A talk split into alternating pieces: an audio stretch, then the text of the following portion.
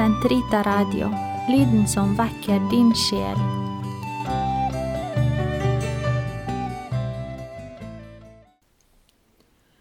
Den katolske kirkes katekisme, uke 14, paragraf 228 til 237.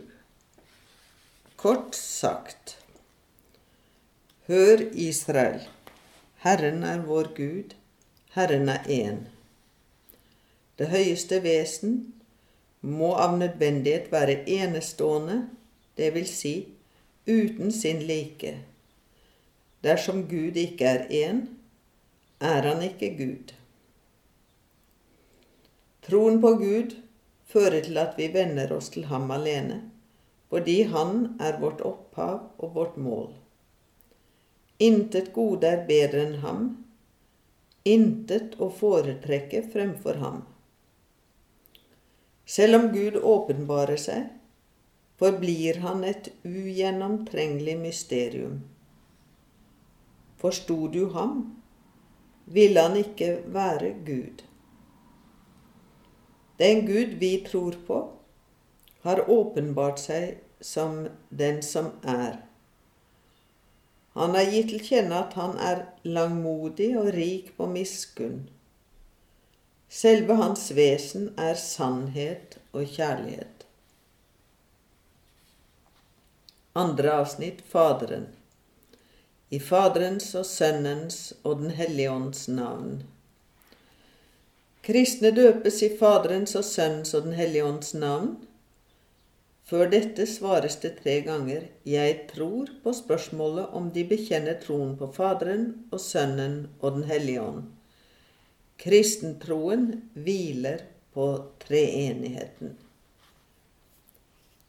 Kristne døpes i Faderens og Sønnens og Den hellige åndens navn, entall, og ikke i hver enkelt persons navn.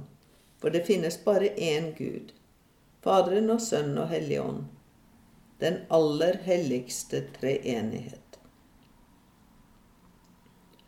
Den aller helligste treenighets mysterium er midtpunktet i kristen tro og kristent liv.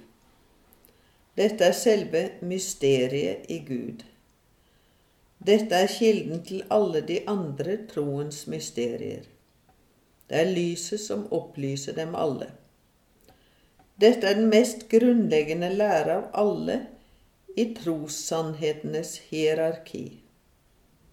Hele frelseshistorien er ikke annet enn historien om at hvilke veier og ved hvilke midler den ene og sanne Gud, Fader, Sønn og Hellig Ånd, åpenbarer seg, forsoner og forener med seg de mennesker som vender seg bort fra synden. I dette avsnittet skal det kort forklares på hvilken måte Den hellige treenighets mysterium blir åpenbart, hvordan Kirken har uttrykt sin lære om dette mysteriet, og til slutt hvordan Gud Fader iverksetter sin frie beslutningsråd om skapelse, forløsning og helliggjørelse ved å sende Sønnen og Den hellige ånd. Kirkefedrene skjelnet mellom teologia og oikonomia. Det første betegner den treenige Guds indre liv. Det andre alle de Guds verker som han åpenbarer og meddeler sitt eget liv ved. Oikonomia åpenbarer for oss teologia, men samtidig kaster teologia lys over hele oikonomia.